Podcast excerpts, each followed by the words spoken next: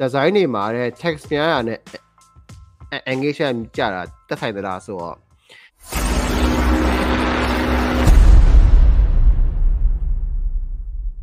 design တွေမှာတဲ့ text များရနဲ့ engagement ကြတာတက်ဆိုင်သလားဆိုတော့ Facebook ကတော့ text ပေါ်မှာမူတည်ပြီးတော့ဟို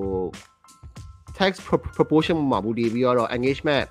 မတတ်မှတ်တော့ဘူးလို့ပြောပါတယ်ဒါပေမဲ့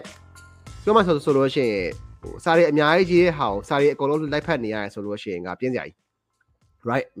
မြန်မာပြည်မှာလည်းကျွန်တော်တို့အချင်းချင်းစနောက်တဲ့စကားတစ်ခုရှိပါတယ်ပုံနေတဲ့စာများတယ်ပေါ့လေနော်အဲ့တော့ summer patch လို့ပုံကြည့်ပါတယ်ပုံထဲမှာကစာရင်းနဲ့ဆိုတော့ကျွန်တော်စာရီကအပေါ်မှာထည့်ရလို့ရတယ် right copy မှာထည့်ရလို့ရတယ်ဘာလို့ပုံထဲမှာထည့်ရကြမှာလဲပေါ့ဆိုတော့ဟို flyer ဖတ်နေမှာမဟုတ်တာ right ဆိုတော့ဟိုလူတွေကဒီ design တွေထဲမှာစာများရဆိုလို့ရှိရင်တိတ်ပြီးတော့ဖတ်ကြလိမ့်မရှိဘူး unless ဗျာလုံးဝကြီး အရန်ကြီးကိုစိတ်ဝင်စားဖို့ကောင်းနေတယ်ကိုယ့်ရဲ့စိတ်ဝင်စားတဲ့ဟာနဲ့စာထဲမှာရေးထားတဲ့ဟာနဲ့ကတက်တက်တဲကြတယ်ဆိုလို့ရှိရင်တော့ကျွန်တော်စာဖတ်ခြင်းတွေရှိရမဟုတ်ရင်တော့တဲ့မလားကိုက Facebook ပုတ်နေရအဲတက်မတက်မှာကျွန်တော်ဆိုလို့ရှိရင်ကမိုင်းချေလှလှလေးကြည့်နေရတဲ့မှာအဲ့အချိန်မှာစာအများကြီးတက်တက်လာဟန်ဘာကြီးလဲဟာလို့ကြော်အဲ့တော့